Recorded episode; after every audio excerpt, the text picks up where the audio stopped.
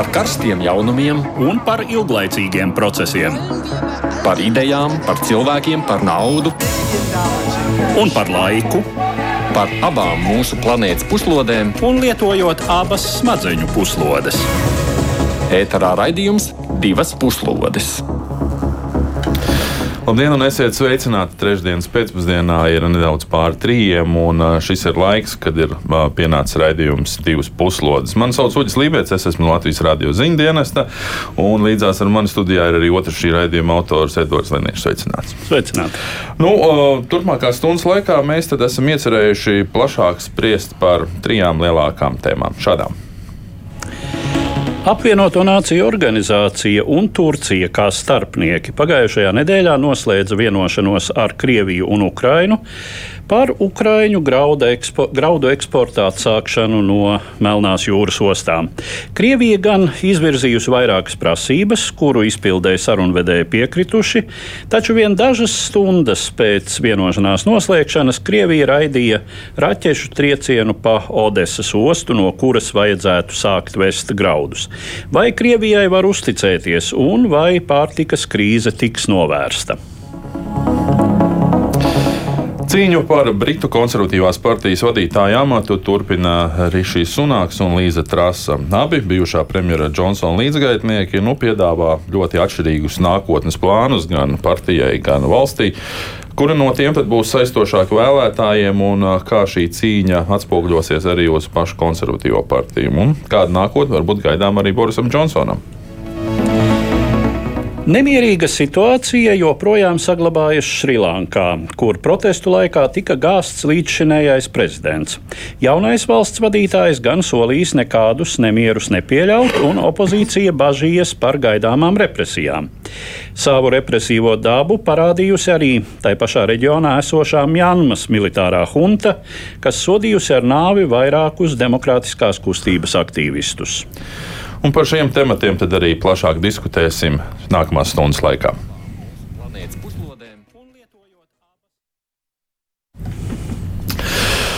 Um, kā katru nedēļu mums studijā pievienojas arī eksperti, un uh, šoreiz tie būs Māršala fonda vecākā pētniece Kristīna Bērziņa. Sveicināti! Sveiki. Kolēģis no uh, laikraksta diena Anna Sednelīks. Un attālināti caur Zoom mums pievienojas arī uh, Latvijas Universitātes profesors Dauns Auvers. Sveicināti! Sveiki! Uh, bet sāksim mēs ar uh, Krieviju, Ukrainu un graudiem.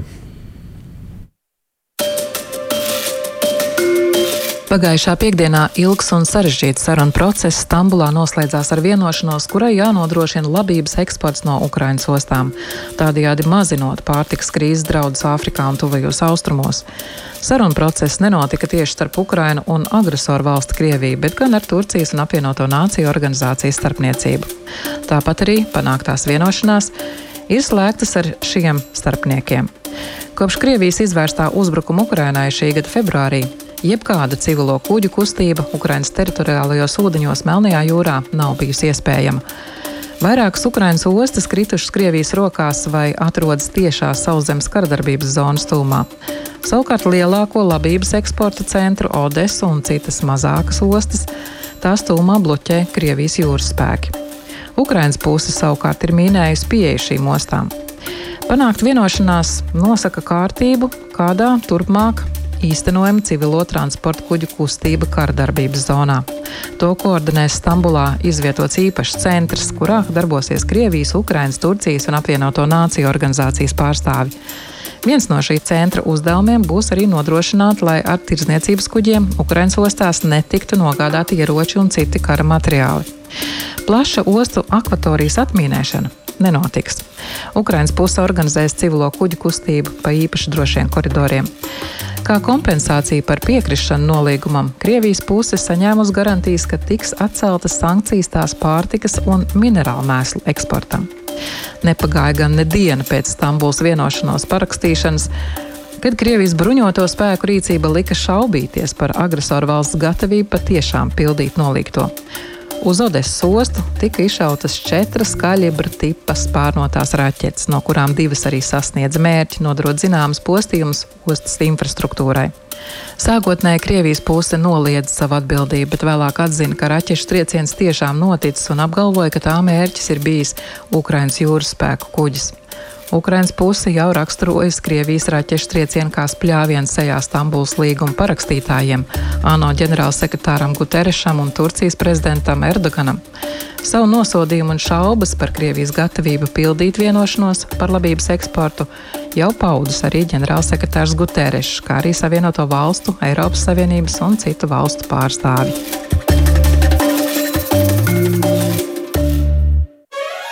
Divas puslodes! Ukrainas uh, karš, Ukrainas graudu eksports, tas tāds uh, pēdējā laika ļoti jūtīgs jautājums. Un uh, bieži vien ir pat grūti tā iedomāties, ka daudzos reģionos šis graudu jautājums pat ir daudz aktuālāks nekā mums Ukrainas gāzes jautājums. Un, ja mēs tā mm, skatāmies uz šo vienošanos, kas tika panākta pagājušajā piekdienā, mēs to varam uzskatīt par Krievijas uzvaru, rietumu piekāpšanos, apus izdevīgu kompromisu. Kā jūs to raksturot, Kristīna? Tā ir savā veidā vienošanās, uz kuru cerēja daudz Eiropā.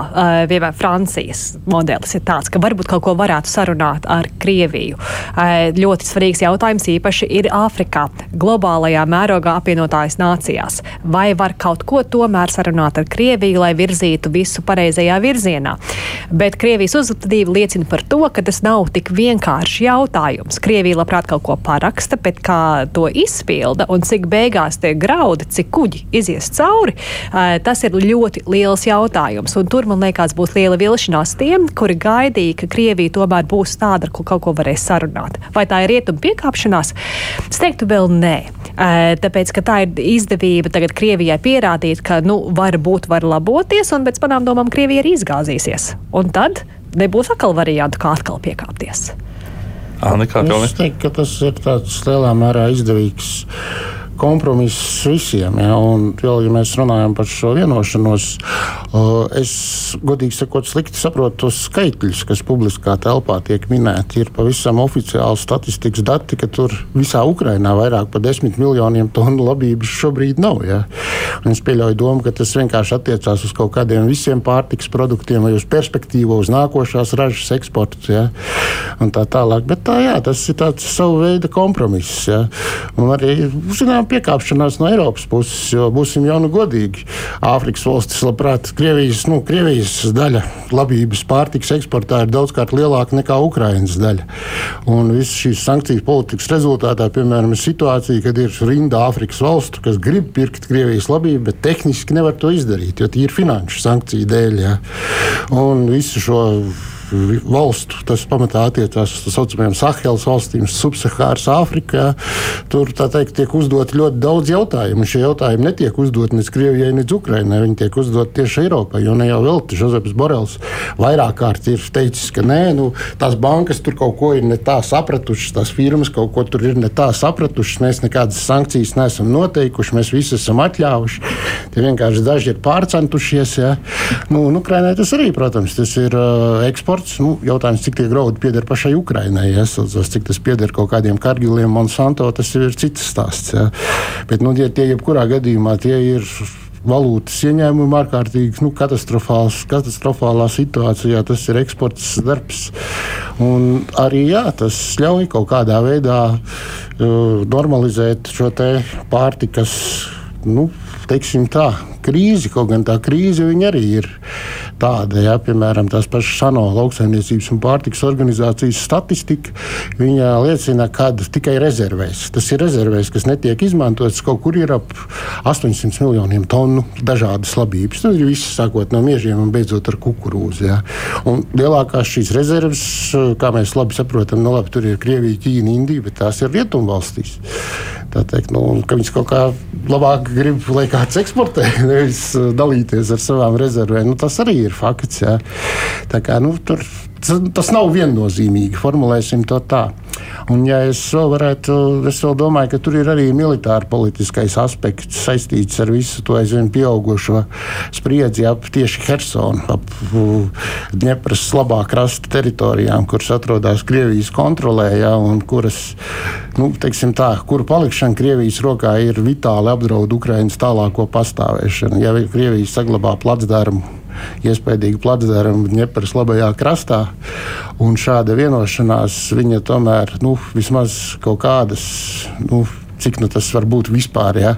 Iespējams, vismaz kaut kādas papildus garantijas, papildus aizsardzību pret nebeidzamajām spārnoto raķešu apšaudēm, ja saucās, viņas tomēr dod. Ja? Jo nu, pašā sliktākajā gadījumā tu vari tos karavīrus ieročus un bruņojumus izvietot kaut vai labības ostā, ja citur vairs nav ko. Nu, tā vienkārši. Šajā brīdī es gribētu Averkungam prasīt, šeit tika pieminētas sankcijas un to iespējas Krievija ļoti bieži savos apgalvojumos apgalvojumos norāda uz to, ka um, Eiropai ir jāceļ uh, tās ieviestās sankcijas, kas kavē arī Krievijas uh, graudu eksportu. Taču Eiropa bieži vien tiešām uzsver, ka nu, par tieši par transportēšanu, pārvadāšanu, pārtiks produktiem sankcijas neatiecās.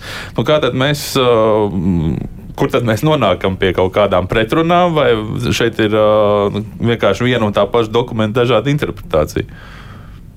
Nu, visticamāk, to, tas varētu arī būt viena un to pašu dokumentu dažāda interpretācija. Jo ir skaidrs, ka uh, Krievija ir veidojusi tādu politiku, um, ka uh, nu, viņi īsti neeksportē to graudu.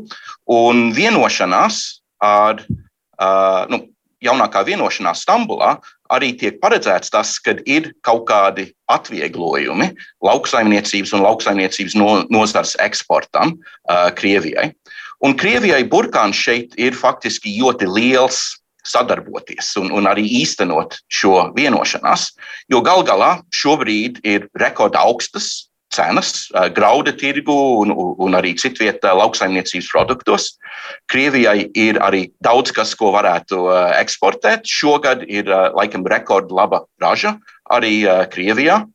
Turklāt viendāji tie lauksaimniecības uzņēmumi vai agro uzņēmumi Ukrainā pieder tieši vai arī netieši uh, oligarhiem Krievijā un citiem cilvēkiem, kas ir pietuvināti Kremlim. Un arī vienošanās ir paredzēts nu, kaut kāda kaut kāda atvieglojuma arī Krievijas bankās, lai varētu šos maksājumus par graudu eksportu arī apstrādāt. Tāpēc nu, burkāns faktiski ir liels Krievijai, un tad arī tas politikas jautājums, kad palielināts graudu eksports arī palīdzi, palīdzēs nodrošināt mieru uh, tuvos austrumos un Ziemeļāfrikā, kur Krievijai ir arī sabiedrotās valstis. Tāpēc man vismaz šķiet, ka, ja skatās uz papīru, tur izskatās, ka Krievijai būtu stimuls ievērot šo vienošanos. Bet, protams, Krievija nav vienmēr racionāls spēlētājs ārpolitikā.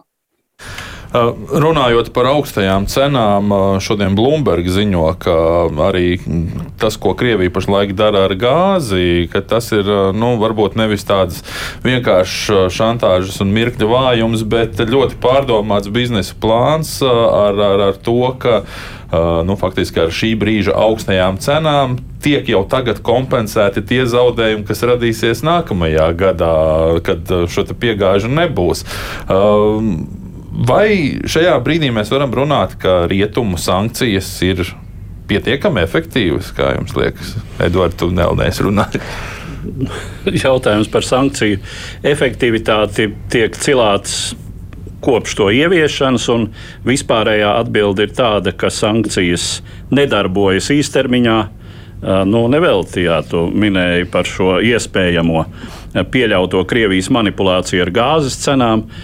Un Protams, ka mm, par to, cik šīs sankcijas ir vai nav efektīvas, mēs varēsim spriest tad, kad uh, būs kāda zināma laika distance no šī konflikta. Šobrīd tie spriedumi, nu, teiksim tā, eh, mēs redzam, ka Krievija ir šobrīd tiek galā lielās līnijās ar, ar savu ekonomiku. Jā, ir lejupslīde, bet tā nav katastrofāla. Katrā ziņā eh, Krievijas ekonomikā pagaidām nenotiek nekas tāds, kas nopietni motivētu Krievijas vadību, tās režīmu pārdomāt savu agresiju pret Ukrajinu. Nu, tādā ziņā var teikt, ka pagaidām šīs sankcijas vēl nav efektīvas. Bet nu, tas, tas ir jautājums, jā, ko mēs uzskatām par uh, ilgu vai neilgu karu. Uh, Ne? Nu, tas viss ir ļoti panākt. Tas viss ir ļoti relatīvi. Jā, jautā, ir viens jautājums, kas ir morālais jautājums. Vai var kara apstākļos, vai drīkst turpināt veikt tirgus eh, attiecības ar Krieviju, īpaši gāzes, eh, naftas, citos jautājumos. Tas ir tāds sirdsapziņas jautājums. Otrs jautājums ir, kādā vai, vai, vai dotajā momentā sankcijas ir efektīvas, eh, lai padarītu Krieviju nabadzīgāku. Jūs, ja otro jautājumu ceļā skatās par ļoti, teik, par Nord Stream pirmajā gāzes vedā no šodienas ir 20% gāze plus no iespējamā daudzuma. Un e, par, par to spekulācija, ko četreiz lielāka cena par tiem 20%, un tad varbūt tas ir pavisam izdevīgi. Krievijai tā arī turpināt. Ja? Bet tas ir tas otrais jautājums. Vai šajā momentā tas padara Krieviju nabadzīgāku? Pirmais jautājums ir, kāda ir morālā atbildība rietumos mainīt politiku, kura ir veicinājusi tuvāku sadarbību un Krievijas zelšanu pēdējo gadu desmitus. Un, ja to ja nebija gudri uzbūvēt tās gāzes vadus, jo nebija grūti iesaistīties ar oligarhiem un šāda veida biznesa praksēm. Kaut kādā brīdī ir jānogriež to svītru. Un vai tagad Krievija tik viegli atļaus arī Eiropai tagad iet citu ceļu? Nu, protams, ka nē. Bet vai tāpēc nevajag tagad pārtraukt, nu, ir grūti pateikt. Tāpēc, ka ja kaut kādā brīdī to slikto uzvedību, tāpat kā, piemēram, nezinu, to narkotiskām vielām atkarību vai alkoholu, arī nav baigi viegli pirmajā gadā, piemēram, atmest. Vai tas nozīmē, ka vajag mūžību turpināt? Nē. Jā, var atcerēties, ka uh, Eiropa savas attiecības un savu uh, teikt, savas enerģētiskās attiecības ar Krieviju, izmantojot gāzes un naftas piegādes, sāka vēl augstākā laikā. Kad Padomju Savienība tika no vienas puses uzskatīta par vispārēju globālu draudu un nesamierināmu ideoloģisku pretinieku tajā pašā laikā, tas īsti netraucē. Nu, tā tad ir skaidrs, ka uh, to eh, no tā atteikties, to pavērst eh, pretējā virzienā, nu, tas nav vienkāršs uzdevums. Tie ir gadu desmiti, pie, eh, kuros pie tā ir pierasts. Andi? Nu, vēl ir tas jautājums, kad mēs uz to visu skatāmies tikai no tādām kā rietumu pozīcijām, jā, bet, piemēram, tajā pašā Krievijā pārliecinoši dominē viedoklis, ka tas, kas tagad notiek, notiek pilnībā pa labi, jo tas ļauj atbrīvoties no dolāra, no eiro. Piemēram, juāņa apgrozībā Krievijā, biržās un visur jau ir ievērojami pārsniegusi eiro un tuvojās do, dolāram. Jā. Tur ir Indijas rūpijas, tur reāli liras un kas tik tur viss nav. Jā. Un tur notiekās tādas, nu, nu principā ārkārtīgi intensīvi. No notiekās būtībā tas, ko var no, veidojās tas, ko var nosaukt pasauli bez rietumiem. Un, jā, tas izdosies. Nu, vienatnē to nevar izdarīt, bet tur ir sabiedrotie viņiem katrs ar savām interesēm. Tur Ķīna, Irāna, tas, tur tādu netrūkst. Ja. Un tad, principā, ja viņi to izdarīs dažu pārskatām gadu laikā, ja, tad tās sankcijas tur vispār būs. Viņas tur ir vai nav, tam nebūs vairs nekādas nu, nozīmes. Tas nozīmē Krievijas ekonomikas pilnīgu pārorientēšanos uz uh, Ķīnu pirmām kārtām, nu, un tad daži piesauktie citi partneri, bet nu, tas nozīmē arī Krievijas attiecīgi vairāk vai mazāk atkarību no šiem. Vai, vai Krievijas ekonomikas integrācija Ķīnas uh, ekonomikā? Diezgan vienkārši, es teiktu. Mēs, starp citu, runājot par Krievijas sabiedrotiem, varam pieminēt, ka šajās dienās Krievijas ārlietu ministrs Lavrovs turpina vizīti pa Āfrikas valstīm, kur diezgan aktīvi cenšoties pārliecināt daudzus savus draugus, biedrus un, un, un līdzgaitniekus par to, ka nu, Ukraina nav tas labākais un ka tieši Ukrainas dēļ graudu eksports pie viņiem nenonāk. Avarkungs gribēja jums vaicāt Āfrikas reģionu reģions, tā valstis, dažāda lieluma ar dažādām politiskām sistēmām. Cik nozīmīgs ir šis faktors potenciāli turpmākajās, nu, arī Krievijas attiecībās ar rietumiem? Nu, ja mēs godīgi runājam, Āfrikā dominē autoritārās valstis. Dažādas pakāpes, dažas stingrākas, dažas vājākas, bet ar tikai dažiem izņēmumiem Āfrikā dominē autoritārisms. Un, protams, autoritārā sistēma ir daudz nu, vairāk saskaņota ar Krievijas pašreizējo politisko sistēmu. Un, nu, mēs jau par to runājam graudu eksporta kontekstā, kad Krievijai ir svarīgi nodrošināt stabilitāti, proti, izvairīties no arāba pavasara tipa uh, apvērsuma mēģinājumiem vai, vai revolūcijas mēģinājumiem, lai nodrošinātu to, ka ir tādi stabili, autoritāri eh, partneri um, eh, Āfrikā. Un tāpēc arī Lavrov kungs noteikti ceļo mierināt partneriem, pateikt, nu, jā, pēdējie mēneši varbūt ir bijuši sarežģīti, bet nākotnē jūs, jums arī nu, jūs saņemsiet graudus, varbūt arī kaut kādus citus ekonomiskos labumus, un tad nu, sistēma būs nostabilizēta. Un šajā brīdī, ko darām mēs, ko, kur braucam mēs, ko pārliecinām mēs, nu, domājot ar to Eiropu varbūt? Brauc biežāk arī. Tomēr šī pirmā gada pusē ļoti ievērojami bija tas, ka arī no Baltijas valstīm, no Latvijas, Polijas, citām uh, Eiropas Savienības pārstāvji ir braukuši, parādījušies daudz vairāk Āfrikas valstīs, izskaidrot savu pozīciju, vienkārši parādīt savu klātbūtni. Un tas ir kaut kas, kas ir izpalicis iepriekš. Tīri vajag izrādīt savā ziņā interesi un cieņu citām valstīm, un ja Krievija to darīs, vai Ķīna, piemēram, Ķīnai ļoti izdodas šī veida politika, ka Ķīna vienkārši ierodās cilvēku daudz, parādās un tāda izrāda interesi. Ja mēs tāpat izrādītu interesi citur, mums arī tas nāktu pa labu. Tur vajag ieguldīt tajā enerģiju un arī cilvēku kapitālu, izveidot labākas attiecības. Bet Āfrikā tomēr ir ļoti sliktas atmiņas par Eiropu. Koloniālās ēras tas varbūt uz mums neatiecās šī Eiropas malā, bet ja runa ir par Lielbritāniju, ja runa ir par Franciju, atmiņas tur nav tās labākās. Un tad pagājušā gadsimtā, kas bija tā labā valsts, nu, padomju savienība kaut kā palīdzēja tikt vaļā no Lielbritānijas un no Francijas apspiedošiem režīmiem, tās atmiņas turpat vien ir. Un, ja Krievija ierodās, tad viņi ierodās ar Padomju Savienības atbrīvotāju to, to vēsturi.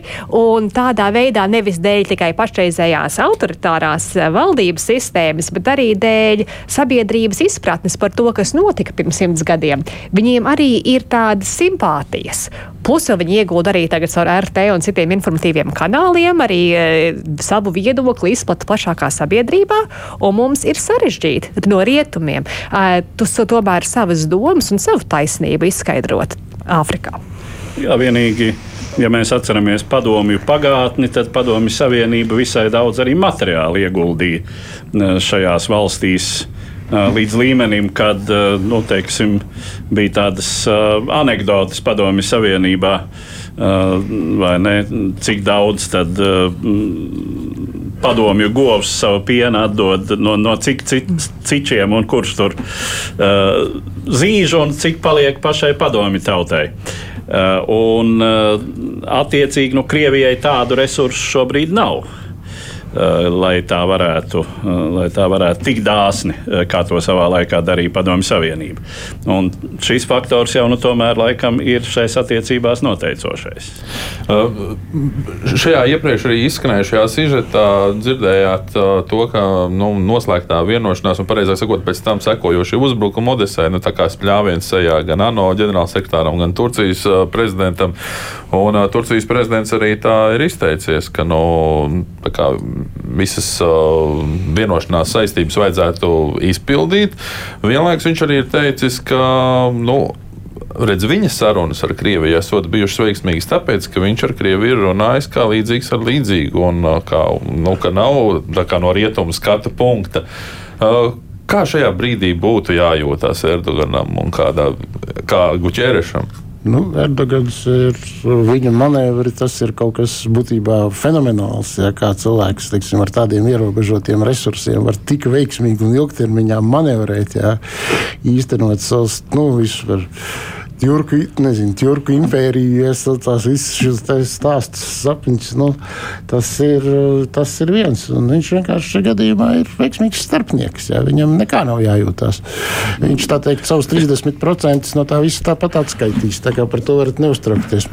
Nu, tuvu tam, jā. Es domāju, ka Erdogans ar šādu Krievijas rīcību uh, vismaz zināmā mērā ir rēķinājies. Uh, lai gan nu, tas raķešu uzbrukums bija diezgan liels paradoks, tomēr pat ar visu iepriekšējo pieredzi.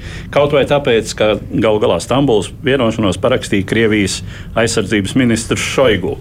Un viņa resurs ir tas, kurš uh, manipulē ar spārnotajām raķetēm. Nu, tā kā teiksim, bez viņa ziņas, un, un tur jau parādās versijas vispār, kas, atkal, kas Kremlī notiek un kas notiek Putina galvā. Uh, un vai, teiksim, Šoigu atgriezies Maskavā ar šo parakstīto vienošanos, nav saņēmis uh, no Kremļa saimnieka brāzienu, un tad tūlīt atkal nospiedz attiecīgās podziņas un attiecīgi tās raķetes lido. Uh, nu, kas attiecās uz Turciju, tad Turcijai ir. Es īsti nepiekrītu, ka ierobežot resursus Turcijai ir viens galvenais resurss, un tā ir Turcijas atrašanās vieta šajā reģionā. Un, teiksim, tas īpatsvars šajā reģionā. Uh, un tas, ka Turcija atrodas tādā, nu, teiksim, dažādu vēsturisku procesu rezultātā, ir izrādījusies šim brīdim ļoti izdevīgā arī ģeostrateģiskajā pozīcijā. Uz Eiropas Savienības robežas, Uh, uz NATO. uz NATO, jā, NATO dalību valsts tajā pašā laikā arī uh, ar iespēju būt tādā diezgan uh, brīvā orbītā arī šajā organizācijā. Tā, ka, un tā ir tomēr liela valsts ar lielu un, kā mēs tagad redzam, salīdzinoši ar Krieviju ļoti efektīvu armiju. Nu, liksim šī brīdī Ukraiņai un graudiem punktu. Vēl tikai piebildīšu, ka pavisam pirms nesena brīža Ukraiņas um, amatpersonas ir paziņojušas, ka iespējams jau šajā nedēļā varētu no trijām ostām atsākties uh, graudu uh, eksports. Uh, nu, redzēsim, kā tas uh, izvērtīsies, bet mēs dodamies tālāk uz Britu salām. Šī nedēļa sākās ar Britu premjerministra amata kandidātu ārlietu ministres Līzas Strāses un demisionējušā finanšu ministra Rišijas Sunaka publiskajām debatēm. Pirmdien abi sastapās Nacionālās raidsabiedrības BBC pirmā telekanāla tiešraidē. Savukārt vakar notikušo tiešraidi, kuru organizēja izdevums Zesāna un telekanāls Talk TV, nācās pārtraukt, jo moderātore Talk TV politikas sadaļas redaktore Keita Makenna tiešajā ēterā paģība. Kā ziņo, viņa gan ātri atguvusies, un viņas pašsajūta bijusi normāla. Tomēr telekanāls nolēma tiešraidi neturpināt. Šīm debatēm jāveido viedoklis apmēram 160 tūkstošiem konservatīvās partijas biedru, kuri augusta nogalē balsos par nākamo partijas līderi, respektīvi arī par premjerministru. Kas attiecas uz līdzinējiem rezultātiem, pēc vairuma mediju un aptaujāto skatītāju viedokļa, Līza Trasa ir pārliecinošāka par savu sāncensi. Pretēji agrākajiem spriedumiem, viņa spēja savaldīgi reaģēt uz oponentu nereti uzbrukošo un izkāpināto manieri. Asāko domstarpību centrā ir jautājums par nodokļu likumdošanu, proti valsts sociālās apdrošināšanas iemaksām, kuru pacelšanu Sunaks ir īstenojis, būdams vēl finanšu ministrs. Trasa pauž viedokli, ka šāds solis ir pārāk apgrūtinošs vidusmēra Britiem, kuri jau tā cieši no pārtikas cenu kāpuma. Sunaks savukārt argumentē, ka vaļība budžeta jautājumos nozīmēšot valsts finanšu saistību pieaugumu, tā pārliekot slogu uz nākotnes nodokļu maksātāju pleciem. Kas attiecas uz ārpolitikas jautājumiem, abu kandidātu pozīcijas ir diezgan tuvas, tā liecinot par konsekventu un pēctecīgu britu konservatīvo politiku. Tomēr Līzas trases pozīcija šķiet striktāk un nepārprotamāk definēta. Vienīgais aspekts, kurā aptaujātie arī šīs sunaku vērtējuši nedaudz augstāk, ir viņa ārējais izskats. Debatēs gan līdz šim vēl maz skārtas tādas sāpīgas tēmas kā Nacionālā veselības dienesta stāvoklis vai noziedzības līmenis valstī.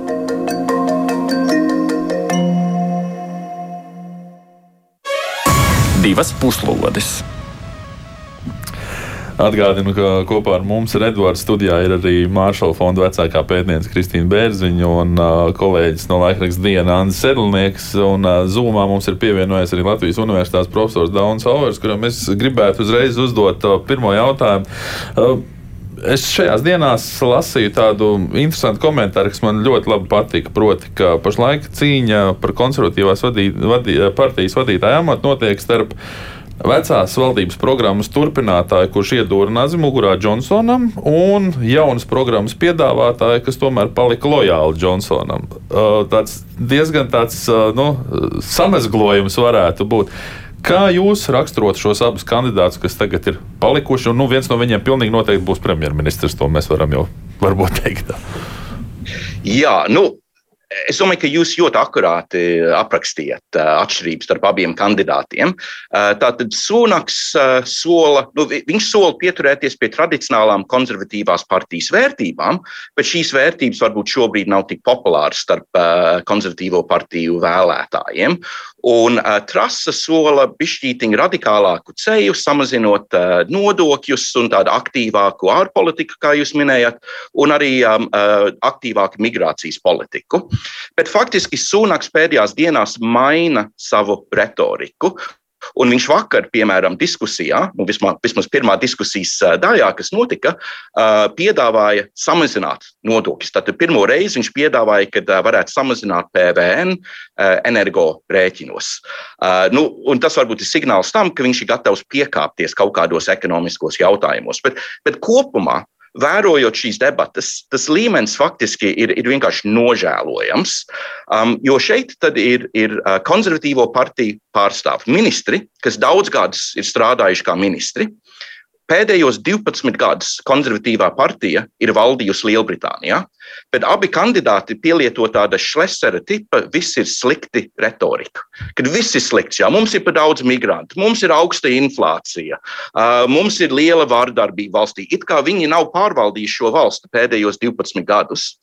Un ilgtermiņā, manuprāt, tas, tas, tas radīs abiem kandidātiem problēmas, jo, nu labi, šobrīd viņi uzrunā šos 180 tūkstošu, nu, pamatā pensionārus, kas balsos, nu, kas ir konservatīvo partiju biedri, kas balsos par uh, nākamo kandidātu. Bet pēc diviem gadiem notiks vēlēšanas, un viņiem tad būs jāskaidro to, kāpēc viņi apgalvo, ka ir slikti, ņemot vērā, ka viņi ir bijuši pie varas, un tobrīd jau būs uh, uh, 14 uh, gadi.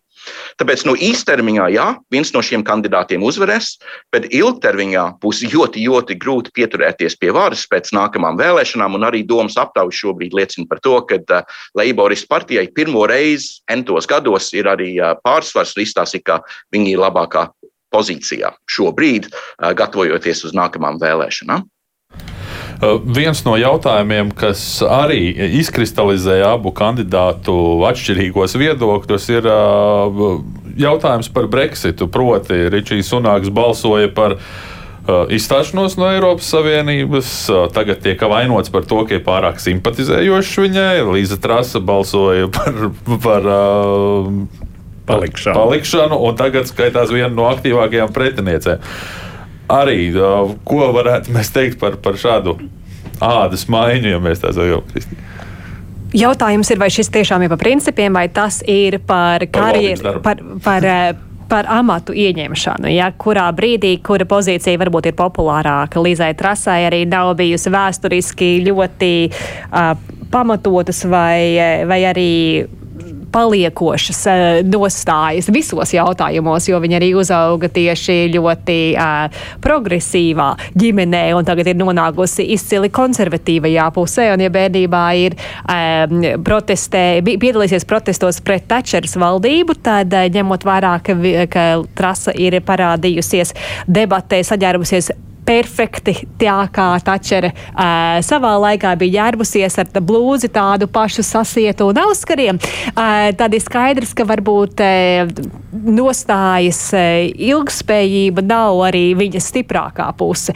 Un šī gadījumā tas vienkārši par, par to, kurš mēģina noķert kura nostāja būs populārāka tiem mazāk nekā 200 tūkstoši uh, Lielbritānijas vēlētājiem, kuri arī noteiks tālāko nākotni. Es tieši gribēju par šiem mazajām niansītēm. Pēc pirmajām debatēm uh, tika norādīts uz šo milzīgo atšķirību. Rišijs Unāks un viņa sieva, viņu īpašumi ir ap 800 miljoniem mārciņu. Un, tad bija stāsts, ka debatēs piedalās cilvēks, kuram ir aptuveni 300 mārciņu vērtas kurpes, un viņa pretiniece, kurai ir 4,5 mārciņu vērti auskari.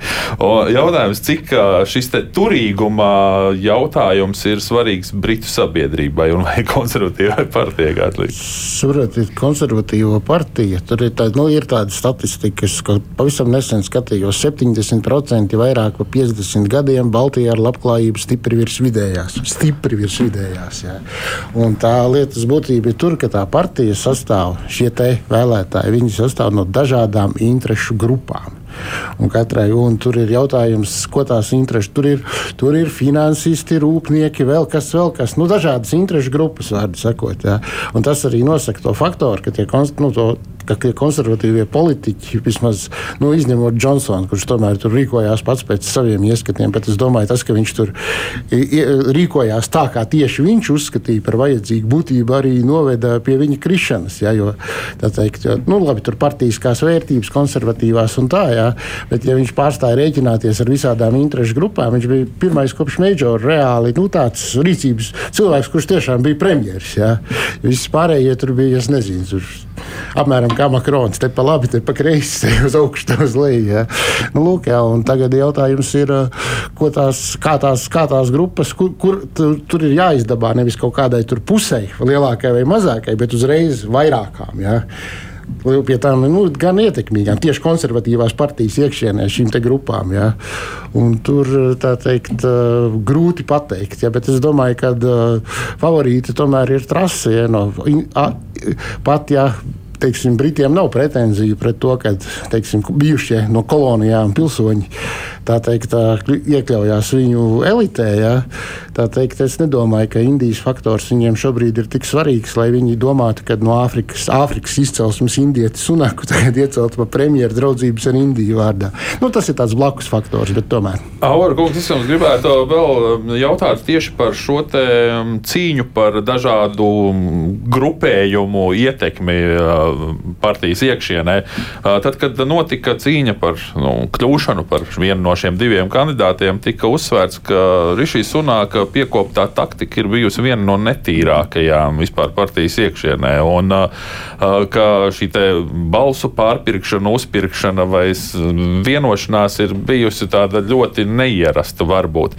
Arī Līzas trases izcīnītā otrā vieta nebūtu nebija ar milzīgu pārsvaru. Faktiski mēs redzam, ka trīs kandidāti ieguva nu, gandrīz vai vienādus, vienādu atbalstu. Uh, ko tas liecina par konservatīvās partijas vienotību šajā situācijā? Nu, jā, nu, konservatīvā partija šobrīd noteikti nav visai uh, vienota. To mēs uh, arī redzējām ar to procesu, nu, kas bija ļoti garš, lai tiktu pie šiem uh, diviem uh, kandidātiem. Uh, Bet uh, kopumā konservatīvā partija bieži arī sevi raksturo kā visveiksmīgāko politisko partiju pasaules vēsturē. Kad viņi jau 200 gadus regulāri un bieži izcīna varu un patur varu. Un rezultātā tā partija vienmēr ir gatava adaptēties, mainīties un, un tā tālāk. Un tāpēc arī, nu, kā norādīja uh, Dainis, uh, bija interesanti, ka uh, starp tiem galvenajiem kandidātiem bija arī tādi no etniskām uh, minor, minoritātēm. Un kad, nu, kā viens laikraksts norādīja, tas baltais vidusšķirta vīrietis, kas tradicionāli dominējis konservatīvo partiju, nu, tas baltais vidusšķirta vīrietis šī gadījumā finišēja piektā vietā. Neskatoties uz to, ka viņš bija tas James Bond, viņš bija tas karavīrs, kas it kā būtu attraktīvs vēlētājiem, bet viņš finišēja piektā vietā, un sievietes un etniskās minoritātes tur dominēja. Un tas liecina arī par to, ka konservatīvā partija ir gatava mainīties, ir gatava uh, adaptēties, bet tai pašā laikā visticamāk Liz Truss arī tiešām uzvarēs šoreiz, jo ir tāda niansīte, kad uh, balsošana notiek pa pastu. Tātad šobrīd tiek izsūtīti vēlēšana bieteni uz šiem 180 tūkstošu konservatīvo partiju biedriem. Un skatoties uz to, kas ir noticis pēdējā balsošanā, tad konservatīvā partija lieto šo balsošanas mehānismu 20 gadus. Tagad nu, šķiet, 5 vai 6 reizes ir balsojuši par saviem līderiem. Parasti ir, ir tā tendence, nu, konservatīvā partijā dominē pensionāri. Pensionāri mēdz būt ļoti punktīgi ar vēstulēm. Tātad viņi saņem savu vēlēšanas bieteni, viņi aizpild un uzreiz sūta atpakaļ. Un tas nozīmē, ka jau nākamās dienās uh, uh, Lizai Trasai un, un, un Rišī Sunakam ir jāpārliecina uh, biedriem balsot par viņiem. Tas, kas notiek augusta vidū, augusta beigās, vairāk nav nozīmīgi. Tas, kas notiek tagad, nu šī ir tā vienīgā iespēja pārliecināt. Un tāpēc arī Rišīs bija gatavs pišķītiņi piekāpties, runāt par nodokļu atlaidēm, bet nu, gala galā Liza Truss ir tādā dominējošā pozīcijā šobrīd. Viņa ir sevi pozicionējusi, kā Kristīna teica, kā Tečeres um, pēctece, un šobrīd tas arī ir tas, ko konservatīvie grib, jo nu, Margarita Tečera ir tā mūsdienu kā, dievene um, konservatīvā partijā, līdzīgi kā Ronalds Reigans ir republikāņiem Amerikā. Un, un, un Līdz Truss ļoti efektīvi komunicē to, ka nu, es esmu tā, kas tā kā, nu, es, mēs varēsim atgriezties uz tiem 1980. gadiem, kas bija kā, nu, zelta laikmets konservatīviem nu, pēdējos simts gados. Uh, vidēji bagāts baltais vīrietis uh, Boris Džonsons uh, gaišiem matiem ir gāsts no troņa. Faktiski šorīt izskanēja telegrāfa izdevumā tāda versija, ka Džonsons varētu tikt virzīts vai viņam būtu jākandidē uz NATO ģenerālsekretāra amatu, jo Ukraiņas kara gadījumā viņš ļoti labi sevi parādījis un, un, un arī kā strauji reaģējis Ko mēs varam par Džonsonu nākotni teikt, Edvards? Es lasīju arī tādu iespēju, ka Džonsona loma Britu politikā vēl nesot izspēlēta. Ir iespējama arī viņa atgriešanās eh, premjera eh, kvalitātē, bet kas attiecas uz NATO ģenerālsekretāru, nu, es teiktu, ka mm, visnotaļ, eh, visnotaļ viņš nebūs pirmais brits, kurš ieņem šo amatu. Nu, un salīdzinot ar pašreizējo, es teiktu, tā, ka Stoltenberga kungs ir sevišķi mm, šī, šīs pēdējās mm, Krievijas agresijas fāzes sākuma posmā. Nu, tā viņa izturēšanās un uzvedība daudzos ir izraisījusi tomēr tādu uh, uh, ir atstājusi tādas uh, rūktas nogulsnes. Vai tātad viņš ir pārāk lēns un pārāk uh, diplomātisks? Nu, uz vai... robežas, nu, tur jau izskatījās, ka uz robežas tomēr ar bailīgumu un, un gatavību. Nu, tad mums vajag tādu pašu par sevi domājošu, diezgan aktīvu, teiksim, tā diplomātisku Džonsonu, Kristīnu.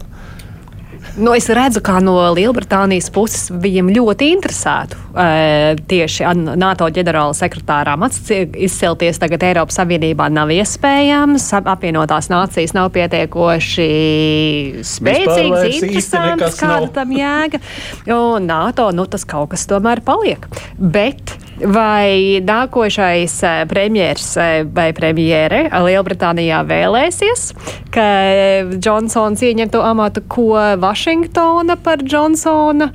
tādu lomu domāta, kāda vispār izskatās politiskā situācija otrā Atlantijas okeāna pusē. Tas nav skaidrs. Un arī ļoti svarīgi tomēr ir ģenerālsekretāram atrast kopīgu valodu būt diplomātam starp pārējām. Un vai Džonsons ir diplomāts vai Džonsons ir televīzijas zvaigzne? Un man liekas, ka varbūt eh, šajā gadījumā arī nākotnē būtu nepieciešamāka aliansē tieši, ka ir kāds diplomāts, kurš spējas atrast kopīgo valodu, nevis eh, pats izcelties, iespējams arī pārējo pārējo, pārējie pa sliktu, nevis ja, pat ja sev spīdošāk. Un tā kā bieži vien saka, tā tikpat ļoti labi varētu būt kāda sieviete no Austrumēropas valstīm. Nu, skatīsimies, kā attīstīsies NATO, bet mēs arī tagad Britu salām liekamies, liekam punktu un dodamies tālu, tālu uz Āziju. Pirms pāris nedēļām plaši protesti Šrilankā piespieda līdzinējo prezidentu Gotabaju Radžapakšu atkāpties no amata un bēgt no valsts. Šobrīd bijušais valsts galva uzturas Singapūrā un Dienvidāfrikā bāzētā cilvēktiesība aizsardzības organizācija Startautiskais patiesības un taisnīguma projekts iesniegus turienes varas iestādēm oficiālu pieprasījumu viņa arestam un potenciālai tiesāšanai. Bijušo prezidentu apsūdz nopietnos kara noziegumos, kurus viņš īstenojis 2009. gadā, kad bija Šrilankas aizsardzības ministrs un armija viņa vadībā likvidēja Tamilu minoritātes bruņoto pretošanos valsts ziemeļdaļā. Tikmēr Šrilankā parlaments ievēlējis jaunu prezidentu, agrāko premjerministru Ranilu Vikramasinki. 73 gadus vecais jurists Vikramas Inhe ir viens no prominentākajiem Šrilankas politiķiem ar apmēram 40 gadu ilgu pieredzi. Valsts vecākā ietekmīgā politiskā spēka apvienotās Nacionālās partijas līderis. Tomēr opozīcija un liela daļa protestētāju uzskata viņu par Raģapakša klanam pietuvinātu personu. Šī gada maijā, kad valstī vērsās plašumā protesti, toreizējais prezidents Raģapakša iecēla Vikrama Sinki par premjerministru. Savukārt nesenās protestu kulminācijas laikā protestētāji citas starpā pielaida uguni arī Vikrama Sinhas privātmājai. Jaunievēlētais prezidents jau paziņoja, ka nepieļaus pretlikumības, un tas rada bažas, kā protestus varētu apspiest ar militāru spēku. Protams, ļoti nozīmīgi šai situācijā būs jaunieceltā prezidenta spēja mazināt Šrilankā valdošo ekonomisko krīzi, kā arī viņa gatavība izsludināt pirmstermiņa parlamenta vēlēšanas. Savukārt no vēl vienas Indijas okeāna reģiona valsts Mjāmas šodien pienākusi ziņa, ka tur pie varas esošā militārā hunta sodījusi ar nāvi četrus opozīcijas aktīvistus, starp kuriem ir ilgadējis disidents un rakstnieks Kjausmins Jū un parlamenta deputāts Pjo Zeto. Militāris sagrāba varu Mjanmā pagājušā gada februārī, izveidojot huntas valdību un ar militāru spēku apspiežot masu protestus. Pēc cilvēktiesība aizsardzības organizācijas Human Rights Watch aplēsēm militāristu akcijās kopš apvērsuma nogalināta apmēram 1700 cilvēku. Apmēram 13,000 ir arestēti. Kara darbība etnisko minoritāšu rajonos izraisīs vairāk nekā pusmiljonu cilvēku došanos bēgļu kaitās. Tomēr militāristu vara netuvu nav iegūst kontroli visā valsts teritorijā, un šobrīd tai pretojas vairāk nekā desmit dažādu bruņoto opozīcijas organizāciju. Huntas padzītā parlamenta deputātu grupa ir izveidojusi trimdas valdību. Līdz šim rietumvalstis bijušas diezgan atturīgas, nosakot sankcijas pret Mjāmas huntu. Cik tālu tās līderi deklarējuši vēlmi noregulēt situāciju mierīgā dialoga ceļā. Bet spriežot pēc pēdējiem Vašingtonas un citu demokrātisko valstu paziņojumiem, pēc nesenajiem nāves sodiem šī politika varētu mainīties.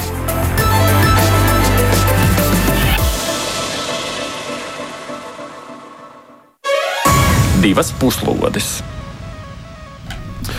Vienā tematā apvienojām Šrilanku un Mjanmu. It kā divas ļoti tālas valstis, bet no otras puses tur notiekošie protesti un procesi tomēr uh, atspoguļojās arī plašākā Azijas uh, reģionā un arī nu, tie ir nozīmīgi arī globālo procesu neksim, tā, kopskatā, kā tev liekas. Nu, jā, protams, jā, tas ir tāds. Reģions, tur ir visādas labas lietas. Te pašām Janmā ir daudz gāzes, kas tiek eksportēta uz Ķīnu, kas dažiem nepatīk, un dažiem atkal ļoti patīk. Tur ir ģenerāļi, kas orientējās uz Ķīnu un Krieviju, un demokrātiskie spēki, kas orientējās uz, uz iepriekš apspriesto, pirmkārt jau Londonu, nevis uz ASV. Jā. Tas kaut vai Džeims. Orvēl tur dienas Mjanmā. Ļoti interesanti lasām vielu, kas tas silti visiem iesaka. Mjanmas dienas, kā viņi latviski saucās. Un tas viss ir, tas re, būtībā tas reģions, viņi tur tie līderi, ja tāpat kā šie Raģapakšas, ja, vesela dinastija Šrilankā, kas dzīvoja pati par sevi. Ja, saucās, aizņēmās naudu no visiem, nevienam, nu, labi, objektīvi iemeslu dēļ, tur pandēmija un tā tālāk, nevienam neko neatdeva, un tagad brīnās, kā nu tā ir sanācis. Ja. Un, principā tas, bet, ja tā raugās plašāk, tad tā ir savā ziņā arī lielvaru cīņa par ietekmi, kur nu, ietekmi, ja, nu, apmēram uz kuru pusi tas viss noslēgsies, kur šie vietējie, īpaši Raģapakšas ģenerālis, domāju, ka Šrilankas nākošais prezidents neko neatšķirsies, lai Dievs pasargā no viņa vārdu izrunāšanas. Ja? viņi tā teikt cenšas izmantot situāciju un dzīvot tā, bet principā nu, tas ir interesanti vienkārši tikai interesanti, vai uh, nozīmīgi. Nozīmīgi arī. Tāpēc, ka pirmkārt ir svarīgi tas, kas nu, tas notiek Ķīnas sēnā. Kas tur Ķīna turpat ir un arī ļoti pēdējos gados cenšas izvērsties. Un, lai gan attiecībā uz Mjanmu, cik ļoti atbalstu huntu, cik nē, tur viena minūte var izskatīties vienā virzienā, otrā otra. Bet, uh, Bet, piemēram, Vašingtona tagad ir uh, sekretārs uh, Blinkens ir lūdzis Ķīnai, ka noliegt nāves sodas izpildi, bet mēs vēl tādu reakciju no Ķīnas neesam manījuši.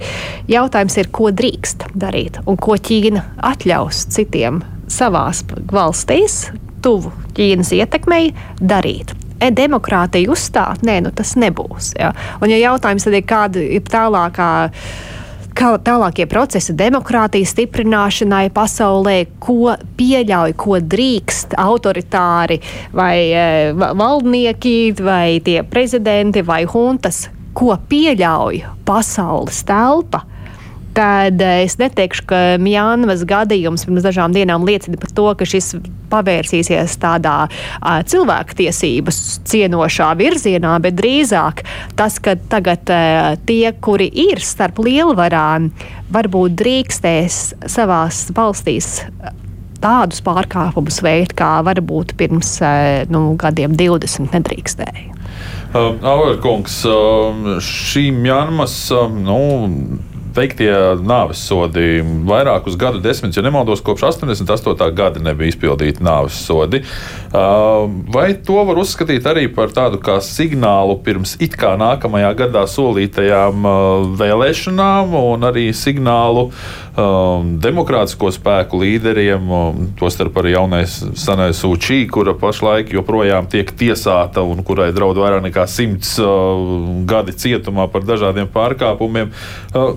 Tiešām, vai tas ir vēstījums arī plašākam reģionam, ka no tie, tās demokrātiskās vēlmes tomēr, lai drusciņi pastāv malā? Jā, tas, tas ir vēstījums, man liekas, ne tikai opozīcijai, bet visai sabiedrībai. Kad, nu, lūk, ja jūs mums stāvēsiet pretī, tad mēs esam gatavi izmantot nu, jebkādus resursus, jebkādu taktiku, lai uh, izrēķināties ar jums. Un gan Mjanmāra, gan Šrilanka vienkārši kārtīgo reizi liecina par to, kad šobrīd uh, demokrātija turpina atkāpties. Jau 15 gadus uh, autoritārie režīmi nostiprinājās. Um, abas šīs valsts ir labs piemērs tam, ka pirms 10, 15 gadiem bija cerības, ka tur notiek kaut kāda pārēja. Janmāras gadījumā no militārā režīma uz kaut kādu demokrātiju, ka tas ir lēni, bet pakāpeniski, bet vidējā vai ilgtermiņā nu, Janmāra kļūst par tādu normālu demokrātisku valsti. Un tagad tikai ļoti naivs cilvēks iedomājās, ka nākamos gados būs kaut kāda pārēja uz demokrātiju Janmārā, nu, visticamāk Šrilankā un arī citviet uh, reģionā. Drīzāk rietumiem ir jādomā par kaut kādu nopietnu stratēģiju, kā cīnīties pret šo uh, demokrātijas uh, atkāpšanos. Tiesa, Joe Bidenis jau par to runā. Uh, maz kas ir darīts, bet uh, jau par to runā uh, pēdējos divus gadus, kopš viņš ieņēma prezidenta amatu. Bet, ja godīgi, rietumiem šobrīd nav tāda vienota stratēģija par to, kā rīkoties. Ir sevišķi tad, kad notiek šādi nu, cilvēktiesību pārkāpumi, kā nāves soda izpildīšana uz politisko opozīciju. Vēl tāda ne, neliela nianse. Mjānmas militārais režīms, starp citu, bija viens no pirmajiem un viens no retajiem, kas atbalstīja Krieviju, kad tā iebruka Ukrainā. Un arī iespējams Ukrainas notikumi ir viens no iemesliem, kāpēc tā uzmanība no Āzijas reģiona varbūt ir pavirzījusies projām atkal uz mūsu pusi. Vai tas ilgtermiņā tā saglabāsies? Es domāju, ka nu, tā problēma, ko uh, Auerkungs jau iezīmēja, demokrātijai šobrīd pasaulē klājas grūti, tā skaitā šai reģionā, uh, jo nerunājot par tādu gadījumu kā Mjanma, kur lielākoties pēc neatkarības iegūšanas pagājušā gadsimta 50. gados militāristi, 40. gadu beigās, eh, militāristi ir bijuši pie varas. Eh, Šrilanka, kur demokrātija ir īpatnēja ar um, lielu korupcijas, nu, faktiski lielā mērā legalizētu tādu koruptīvu elementu. Arī Indijā mums šobrīd ir lieli jautājumi par to, cik kvalitatīva vairs ir šī pasaules skaitliski lielākā demokrātija. Tā ka viss šis reģions, protams, rada lielas problēmas. Un tās izšķiršanās ir ļoti nepatīkamas, jo ir maz, ir maz iespēju kaut kā šos procesus ietekmēt. Nu jā, bet, kā mēdz teikt, politikas zinātnieki, nekas labāks par demokrātiju nav izdomāts. Ir taisnības labāk gan jāatzīst, ka ne visur viņi līdz galam strādā. Šajā brīdī mums ir jābeidz arī mūsu raidījums, un es saku paldies arī mūsu šīs dienas viesiem, Māršala fonda vecākajai pētniecei Kristīnai Bērziņai, Nandim Sedlniekam no uh, izdevuma diena, un uh, Latvijas Universitātes profesoram Daunim Aueram. Um, kā vienmēr šajā raidījumā ar jums kopā bija Edvards Liniņš, arī es, Uģis Lībijams no Latvijas radio ziņu dienesta, un vēl, protams, kā vienmēr labus vārdus veltam arī mūsu raidījuma producentei Evijai Unāmai. Uh, tiksimies jau pēc nedēļas, kad atkal būs laiks uh, apspriest notikuma aktualitātes visā pasaulē. Uz sadzirdēšanos un lai viss jauki! Divas puslodes.